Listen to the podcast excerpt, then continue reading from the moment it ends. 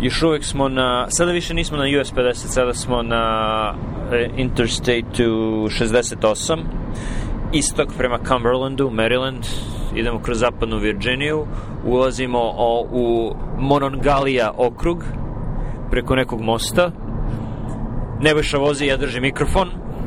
Ovo je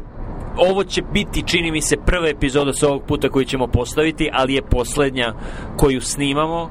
E, baterije je na 38% na laptopu, e,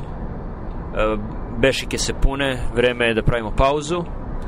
A, izvinjavam se zbog buke, ovo je najgori mikrofon koji sam mogao da ponesem na put, ali s obzirom da smo se upravo preselili, o čemu treba da pričamo takođe, ali ne u autu, je prvi koji sam našao koji mi je došao pod ruku, koji je kondenzor mikrofon koji skuplja apsolutno svaki zvuk koji se čuje u okolini, tako da će ljudi da čuju ne samo motor, već i zujanje laptopa koji je uključio hladnjak, a i svaki motor koji nas prešiša i većinu neravnina na putu. Ok, to je preambul. O čemu si htio da pričaš? Da, pa, mislim, nekako si napravio sad preambulu koja dosta jeste metakonverzacija o samoj a, produkciji i, i snimanju podcastova, a mislim da je jedan od, jedan od naših slušalaca a, i koleginica Ana Dugić postavila pitanje na temu podcast, čemu, zašto, zašto ovo sad ja dodajem, zašto gubiti vreme na sve ove stvari. A, tako da možda ne bi bilo loše da se dotaknemo toga, zašto to jeste a baš smo meta meta, ali meta konverzacije koju i, i vodimo često, a tiče se toga zašto smo uopšte počeli ovde da radimo i mislim da nismo imali jasnu predstavu zašto, osim toga da je to zvučalo kao nešto zanimljivo i mali projekat koji ima dovoljno aspekata stvari koji su nam obojici zanimljiva, to je a, malo produkcija zvuka, pogotovo tebi sa onom malo više inženjerske strane, kako to sad sve um, editovati i kako napraviti nešto što zvuči ok, a, a da zahteva minimum truda. Ali sa druge strane, nakon više od godina dana sada, mislim da nekako obojica stičemo utiske o tome šta cela ova stvar znači za nas i zašto nastavljamo ovo da radimo, koji je benefit svega toga. Tako da ti možeš da počneš. Da, taj deo njenog pitanja imaju u stvari dve komponente, pošto postojilo nekoliko pitanja, koje ćemo se, neki njih ćemo se dotaći sada, nekih verovatno kasnije, ne u autu. Pitanje je bilo podcasting povlaka journaling ili pisanje, znači to su dva različita pitanja koji su, koje, koju koriste imaš od razgovora sa nekim i postavljanja toga na, u javnost, a koje je korist pisanja, mislim journaling podrazumeva privatno pisanje, ali ja bih tu ubacio i blogovanje, znači pisanje za javnu objavu. I ovim drugim se duže bavim, pa mogu o tome više da pričam, a to je koje su koristi imanja bloga sa jedne strane, znači objavljivanje onoga što pišeš i koje su koristi pisanja za ličnu upotrebu. E, postoji citat koji ne znam se koji je izgovorio i ne znam tačno kako se formuliše, ali koncept je da ako ne možeš da napišeš nešto, znači da ne možeš ni da misliš o toj stvari, sam čin pisanja te tera da formulišeš bolje sobstvene misli i e, u našem poslu, ja sam to davao kao primjer na nekim predavanjima, je da ti možeš da imaš neki koncept o tome šta se dešava pacijentu i šta ti treba da radiš, ali dok to ne zaobeležiš ili u poruci nekome ili u mailu ili u zvanečnoj belešci u kartonu pacijenta, nećeš videti koje su rupe u tvom razmišljanju i nećeš videti, ne, nećeš moći taj magloviti utisak o tome šta se možda dešava, nećeš moći na najbolji način da pretvoriš u spisak stvari koje treba da uradiš i o kojima treba da obavestiš druge ljude. Tako da čin pisanja te tera da čin pisanja te tera da razmišljaš i pisanje u stvari jeste razmišljanje. Mislim da bilo koje misli koje ti tutnje kroz glavu uh, pomešane sa emocijama i pomešane sa vizuelnim i audio utiscima koji neprestano dolaze ka tebi iz spoljne sredine, uh, to se teško može razlučiti dok ne staviš to na papir. I sada, u zavisnosti od toga koliko je kvalitetno tvoje razmišljanje, neke stvari ćeš zadržati za sebe, a neke stvari ćeš pustiti u etar da i drugi ljudi čiti o, o tome, jer će možda im biti od koristi i možda će navesti druge ljude da, da razmišljaju. Nadovezat ću se na, na, na ovo sada što kažeš, zato što a, imam slične utiske i jedino što mi je krivo što nisam ranije shvatio, ali opet to je možda samo deo nekog svakog individualnog ono, a, puta, ali da, da zapisivanje stvari i misli je daleko jedan od najproduktivnijih načina za provođenje vremena, um, a tiče se situacije kojima treba da se donesu odluke na neku temu ili generalno kristalizacije utisaka stvari, a pogotovo što sve više vremena prolazi, sve se utisak, utisaka više formira i bez načina da se to na neki način iskristalizuje, a, dolazim u, dolazi u situaciju da nemaš jasno mišljenje ni o čemu. A, mislim da moj inicijalni otpor prema svemu tome je bio taj čitav neki utisak o tome da reči same po sebi uskraćuju stvarnost utisaka s obzirom da su opis stvarnosti i samim tim nisu stvarnost i da ograničavaju, sužavaju i, i to, to je sve tačno. Mislim i dalje verujem u to da a, smo biće koje imaju ogromnu i komplikovanu stvarnost ispred sebe i reči, jezik i jezik kojim komuniciramo su jedan načina da tu stvarnost pojednostavimo, naravno praveći mnogo grešaka jer ne postoji savršena percepcija stvarnosti, ali u isto vreme paradoksalno mnogo manje grešaka se pravi u interakciji sa tom stvarnošću kada neko zapisuje i pokušava da shvati zašto radi stvari koje radi. Uh, jer se prestavim sad um, jer na neki način baš to i mislim da je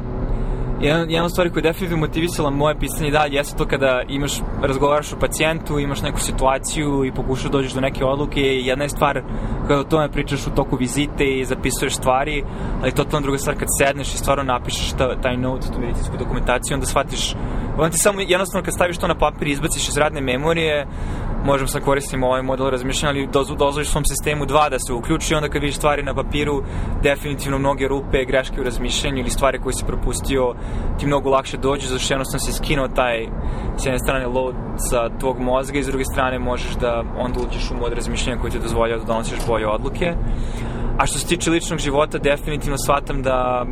zapisivanjem, raspisivanjem, bez bilo kakvih pritisaka, identifikujem i obraste u svom razmišljanju koje ne bih inače identifikovao, a pogotovo sada nekako, i ne znam da ćemo pričati o Rome Researchu ili stvari poput takvih, ali generalno platforme koje olakšavaju i maksimalno smanjuju trenje u bacanju misli na papira, opet dozvoljavaju da se lako te misli povuku iz prošlosti, dozvoljavaju uviđanje obrazaca produktivnih ili neproduktivnih koji onda jednostavno olakšavaju stvarnost i mislim da mislim da je čitav kliše toga da pisanje može biti terapeutsko, mislim da postoji razlog zašto postoji kao kliše, to je da a, mnogo je bolje, ili barim ja osjećam bolje po moje mentalno zdravlje kada sebi objasnim zašto radim stvari koje radim ili planiram da radim koje planiram da radim kada ih stavim na papir i, i nekako onda kada to, od toga napraviš i zapis i reč uh, lakše ti onda da nastaviš da organizuješ svoje a, ponašanje u budućnosti. Mislim da se dosta rasplinu, ali pokušavam samo da odgovorim na to zašto mislim da je pisanje bitno i zašto sada u mom životu pisanja, delimično ovaj podcast u smislu artikulacije misli i na neki način činjenja da one budu malo čvršće i stvarnije time što ih napriš neki trag svemu tome um, ima sve bitniju funkciju u mom životu. Spomenuo si jednu jako bitnu stvar, a to je Rome Research, to je treća vrsta pisanja. Znači, postoji jedno journaling koje je lično pisanje za ličnu upotrebu, obično svakodnevne misli. Ne znam kako ti to radiš, ali ja volim to da radim na papiru. Postoji jako dobra sveska proizvedena u Japanu, zove se Hobonichi Teho, koja ima tanak, ali kvalitetan papir koji dobro podnosi različita mastila i ako koristiš drvenu olovku, brisanje gde u jako malu knjigu može da stane cela godina uz dodatne kalendare i par strana za druge stvari. Ali ako tako imaš jednu stranu po danu gde možeš da planiraš dan, stavljaš dnevne zabeleške o tome šta se dešava, o čemu misliš itd. itd. i to bi bio journaling ti pretpostavljam koristiš digitalne metode. Pa ono što sam utvrdio je da, mislim, glavni problem kod svih tih a, fizičkih metoda koje sam uvidio, mislim, jako je lepo osjećaj pisati na papir, imam gomilu svezaka, ono, nepovezanih, i što mi je problem, barem nekome kao meni, mislim da se tu razlikujemo, a, redovno pregledanje svih tih stvari i izlačenje zaključaka i onda bilo što što smanjuje trenje u tom smeru a, meni daleko povećava onda motivaciju da nastavim to da radim, a stvari kao što je Rome Research ili stvari poput toga, mislim da to radi jer ono što on barem dozvoljava, ono kad ga otvoriš, prva stvar koju vidiš je tvoja dnevna stranica i tu zapisujem stvari koji su manje ili više deo svakodnevice, ali u druge strane mislim i, i utisci, a ono što digitalne platforme olakšavaju jeste označavanje svih tih sadržaja, a, on izlazi, označavanje svih tih sadržaja tagovima ili stvarima koje ti onda omogućavaju da jako lako povučeš stvari koje utvrđuješ kao obrazce i da ih sužavaš onda u jedan a, domen i onda mnogo lakše pregledavaš stvari. Tako da da, trenutno sam fan digitalnog a, journalinga i opet kažem, za mene je trebalo da bude to nešto spontano, bez prevelikog pritiska ili formalnosti, da bi zaista sad preraslo nešto što je svakodnevna navika, jer pre toga sam uvek osjećao da moram, oh, moram da pregledam, uh, moram ovako da zapišem, tako da, Da. opet, svako je drugačije. Tako da. Da, pisanje na papiru zahteva sistem da ti se setiš da ujutru uzmeš tu svesku i zapisuješ i da na kraju dana je pregledaš i one stvari koje misliš da su za deljenje prebaciš kao početnu, uh, početni tekst za neki blog, što je drugi deo, znači ono javno, javno pisanje, a treće pisanje je ono za što je Rome Research čini mi se primarno pravljen, a za koji postoji i druge, dru, drugi sistemi, i softverski i fizički, je pisanje za duži tok, pisanje trajnih misli o stvarima kojima se baviš što god one bile. Za nas je to uglavnom biomedicina, neko može da radi, ne znam, društvene nauke, umetnost, film, šta god. E, postalo jako popularno u poslednje, mislim, dve, tri godine od kada je Rome krenuo, baš, ako se sećaš onog Asha 2019. kada smo pričali o tome, znači od decembra 2019. par meseci pre toga je eksplodiralo, ali pre toga je bio poznat naročito jedan sistem koji je jedan sociolog u Nemačkoj, uh, Lurman, čini mi se da se preziva, uh, napravio Zettelkasten ili Slapbox na engleskom ili ne znam, kutija Kutija sa ceduljama. da, kutija sa ceduljama bi bio prevod na, na srpski. E, on je ceo svoj život formulisao detaljne misli o jednoj o stvarima konkretnim. Svaka misao je imala jednu karticu e, gde je bilo jasno formulisano koja je sama misao, kako se povezuje sa drugim mislima i koji su izvori za tu misao. I to je bio sistem od desetine hiljada takvih kartica on je, zahvaljujući tim već formulisanim mislima, bio jako produktivan, objavljivo je on, puno knjiga, radova, ne znam koji je red veličine u društvenim naukama što se kvalifikuje kao hiperproduktivnost, ali bio je hiperproduktivan i to je objašnjava upravo tim sistemom gde je on imao već jasno formulisane misli i ako treba da napišeš neki rad ili knjigu, bilo je samo pitanje e, premeštanja tih i stvaranja veza i, i proveravanja koje su tu veze da bi, da bi to se sastavilo u neki koherentni narativ. Jer je to generalno način na koji naš mozak funkcioniše više nego stablo ili neka hijar, hijarhija i kategorije. E, čini mi se da je na, na način na koji bar moj mozak funkcioniše više ono po, povezano, horizontalno povezane misli, nema, nema tu baš previše hijarhije. Mislim da većina ljudi tako, tako funkcioniše. I to je taj treći način pisanja za trajne beleške. Da, sad si malo otvorio temu u drugom smeru ne znam da li želiš malo detaljnije da objasniš kako sistem funkcioniše, jer delo je vrlo hermetično, može čak lakše samo uputiti nekoga na blogu i to objašnjavi kako u stvari povezuješ stvari i utiske, da to na kraju zaista bude nešto što nije previše zametno, a dozvoljava ti da kontinuirano povezuješ stvari koje su najizgledne povezane i dozvoljava ti da onda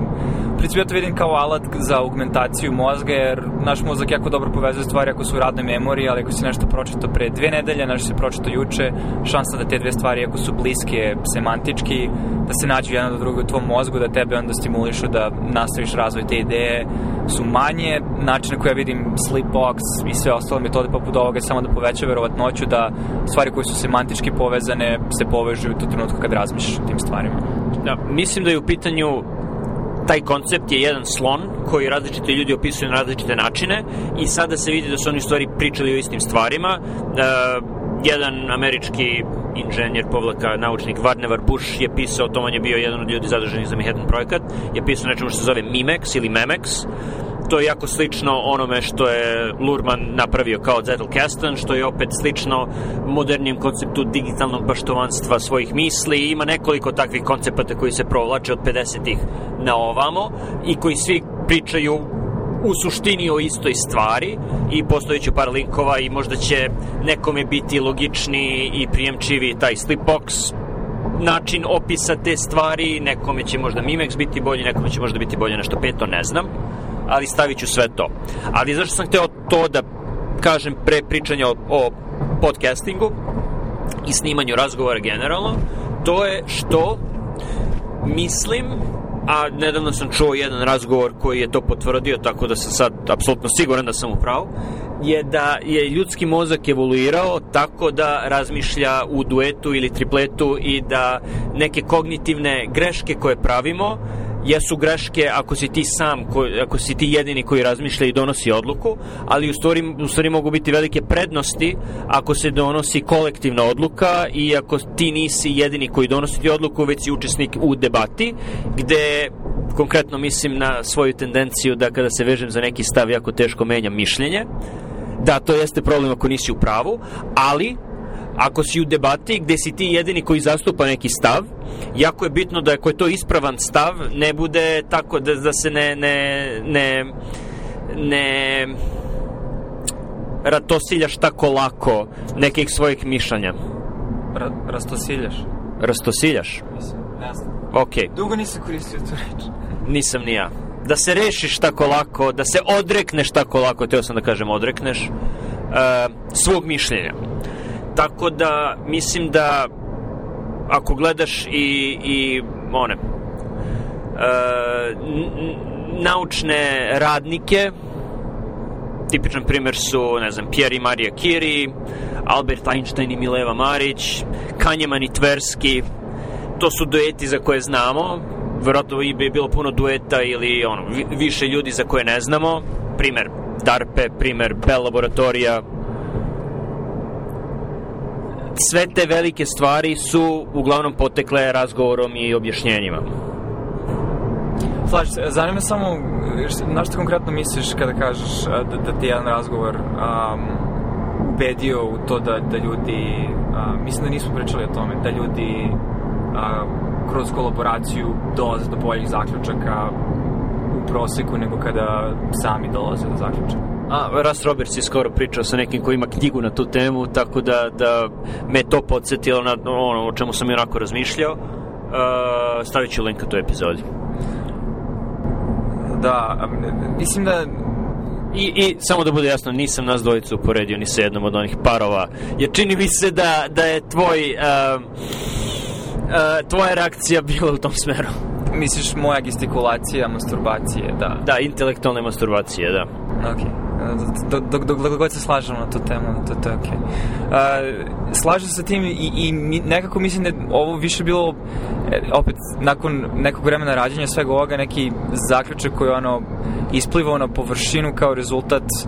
nečega što je samo bilo stvar koju generalno volimo da radimo, a to je da diskutujemo, ali kad nekako formalizuješ i osetiš poprimi malo drugačije tonove koji mogu da potencijalno budu produktivniji zato što nastave mod nekog blagog debatiranja gde, a opet dovoljno se poznaje i mislim da je to bitna stvar, da se do, da dovoljno poznaješ nekog i da u startu znaš da osoba ne zauzima, iako zauzima su, oprečan stav tvom nije zlo nameran sam po sebi, već je rezultat jednostavno razmišljanja na neku temu isku, drugačijeg iskustva. I onda je zanimljivo s jedne strane diskutovati, sa druge strane uočavati greške u svom razmišljanju, s druge strane kapiram da i ti imaš korist da malo bolje upoznaš sebe, jer ja sam bolje upoznam sebe kroz ove konverzacije, pogotovo što u produkciji svega ovoga moraš da preslušavaš stvari i onda uhvatiš sebe u obrazcima razgovora, razmišljanja, da li to počinje od poštapalice, pa do čitavih ono obrazaca kako ti dolaziš do zaključaka da na kraju onda možeš blago da koriguješ svoj stav i potencijalno budeš bolji, produktivniji, racionalniji, nazovi to kako hoćeš. Apsolutno, u početku je ovo bilo i mislim da sam pisao o tome na blogu, e, snimanje čisto da ono ne bismo zaboravili razgovor na srpskom jeziku jer mi je bilo lako da pišem na srpskom i o tome e, i to postavljam, ali razgovore koje vodimo svakodnevno, mislim pričamo obojica srpski kući, ali to nisu razgovori o ovim temama obično i ne toliko često. Tako da je delimično to bilo i onda ono, snimaš sebe kako pričaš, kako formulišeš argument, kako zvučiš, koliko poštapalica koristiš, tako da je to korisno. Ali sam sa druge strane primetio te kasnije nešto o čemu sam opet čuo u razgovoru Russ Robertsa sa Juliom Gale, Julia Galoff je uh, žena koja je pisala knjigu Pioneer Mind, Pioneer Mindset, tako nešto. Postoji će link i ka toj knjizi koju imam u kući, još je nisam pročitao. A to je tendencija ljudi da ako su slabo vezani za neki za neko mišljenje, za neki argument. Znači, nemam neki čvrst stav o tom argumentu, ali sam ja taj koji ga iskažem i onda ako neko napadne taj argument, sama činjenica da sam ga ja iskazao me tera da ga branim. Čak i ako u početku sam mislio da i nije neki argument. I to sam primetio često u razgovorima sa tobom, gde ja kažem nešto što sam čuo i ti onda napadneš to i u meni se javi izrazita želja da krenu da branim taj argument i da ga prihvatim za svoj. Što znam da je absurdno, ali se često dešava i onda sam uhvatio sebe par puta u poslu i u kući da se isto to dešava i uhvatim sebe i sprečim se i kažem ne, čekaj malo, to jeste glupo što si rekao, zašto bi to branio. I, i neki od benefita, benefita definitivno jesu da mislim da se obojica, nadam se, služimo sa manje poštapalica, manje prekida u razgovoru, što opet na neki način možda, možda, možda i ne dovodi do bolje formulisanih misli, je svakako dovodi do lakše konverzacije i manje prekidamo jedni i drugi, samim tim nadam se da manje prekidamo druge ljude u konverzaciji. A, lakše sada diskutujemo o stvarima nego pre, tako da se nadam da to utiče na razgovore sa drugim ljudima a sa druge strane opet to jedna motivacija samog starta bila je i nadam se da se to vidi kroz sve epizode da se trudimo da reč koju smo jer mislim to se dešava ljudima koji žive u Srbiji jednostavno jezik je fluidna stvar dominantne kulture koje pogotovo kada se kroz internet raspodeljuju a, termini mislim u Srbiji ljudi koriste termin influencer što je očigledno postala tuđica i nemam ništa protiv tuđice, ali u situacijama u kojima postoji vrlo adekvatna, nekada čak i bolja a, verzija reči na srpskom, mislim da nije loše. I sa druge strane mislim da obojci imamo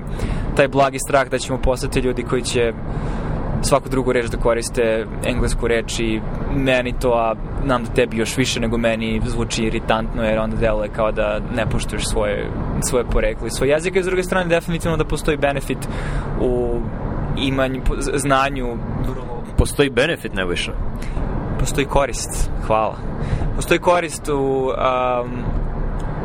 znanju više jezika na, na, na visokom nivou samim tim što različiti jezici na različite načine različito manipulišu abstraktnim pojmovima i različito ih doživljavaju, tako da će nekada i u disonanciji prevoda ti možeš da uvidiš zašto razmišljaš o nečemu na neki način i da je često to u službi jezika, a ne zbog prirode same te stvari. A što je opet jezik je odraz kulture, lokalnog življa i svega kroz što su oni proživjeli itd. itd.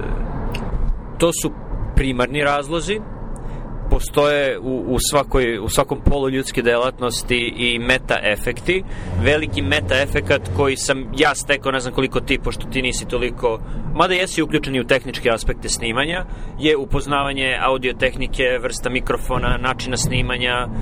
korišćenja softvera za montažu, i različitih uh, metoda poboljšanja kvaliteta zvuka koje će ova epizoda apsolutno testirati jer znam da će zvučati užasno i što je gore verovatno će zvučati užasno i sledeće četiri epizode jer smo ih takođe snimali u, u autu ali šta da se radi uh, biće zanimljivo. Tako da sam sada u stanju, a definitivno nisam bio, sasvim sigurno nisam bio pre godinu i koliko kad smo počeli da snimamo, da od trenutka snimanja do, do mi treba, ne znam, 20 minuta, 30 minuta za epizodu od 20 minuta, 25 minuta, od, od kraja snimanja do izbacivanja epizode online, što je čini mi se sasvim solidno i ne znam da li će mi koristiti u budućnosti, ali uh, pričali smo, u stvarnosti pričat ćemo za one koji slušaju o proizvodnji sadržaja i puštanju sadržaja na internet, nikad ne znaš da, da li će ti nekada koristiti. Dobro je imati u sklopu alata koje posjeduješ. Da, ako ništa drugo, ovoga smo se dotakli je na neki način miljokaz toga gde si trenutno u svojim razmišljanjima, tako da stoji, ako ništa drugo, kao mali javni dnevnik naše konverzacije, jer čisto sunjam da bi snimali ovo, a da ne publikujemo kao podcast, jer zvučilo bi vrlo glupo da snimamo nešto samo da bi se podsjećali nečega. Ovako je to još jedan od tih a, nus pojava, ali u pozitivnom smislu, gde možeš da imaš mali dnevnik toga o kojim temama smo razmišljali. Mislim da obojci imamo sklonosti, mislim da to normalna ljudska sklonost da kako si izložen određenim stvarima, ideš određenim ciklusima, razmišljaš o stvarima, tako da svakih par meseci postoje više tema koje u pozadini informišu način na koji gledaš stvarnost, dok na kraju ne dođeš do nekog zaključka, to manje ili više konsoliduješ u, u, u svoj stav u svetu i malo podesiš način na koji interaguješ sa svetom. Završit ću ovaj autociklus, ako možemo tako da ga nazovemo, ili zapadno-virđinijski ciklus, ili Ohio ciklus, ne, različite stvari smo snimali u različitim državama, onako kako smo počeli, a to je pričamo putu i autu. Ovo će za one koji slušaju imati smisla za ono, 5-6 nedelja kada o, sve epizode izađu. A to je da se dosta kvalitetnih razgovora koje je zaista šteta što nestaju dešava u kolima. Mislim u auto dok se vozi monotonim pravim autoputevima Amerike. Što je prvi primetio čini mi se Quentin Tarantino u njegovim filmovima su često najbolji delovi, najbolji dijalozi u autu dok se vozi ka, ne znam, primarnom cilju. E, dijalozi koji možda nemaju konkretno veze sa radnjom filma, ali su uvek zanimljivi. Tako da, e, puno ljudi ima takve razgovore i šteta što više njih nije snimljeno i izbačeno. Ne bih razgovor nas dvojice opet da neko stekne pogrešan utisak stavio u nivo Tarantinovskog dijaloga. Mislim, možemo da pričamo o McDonald'su ako hoćeš, ja ne bih. Uh, ali, ali drugi ljudi sigurno imaju kvalitetne razgovore koje bi neko želo da čuje. I samo mali komentar na to utisak koji sam ja takođe stekao, pogotovo kada su u pitanju putovanja i izleti, da je nekako uvek put nazad ka kući nakon samog putovanja koje manje ili više može da bude odmor, relaksacija ili blago mislim, transcendentalno je prevelika reč, ali, znači, iskustvo koje te blago promeni, mislim da je nekako motivacija za kreativnije i nove konverzacije i, i rezultat je mnogo bolji u povrtku kući gde nekako zaokružuješ utiske nego u dolasku na neko mesto.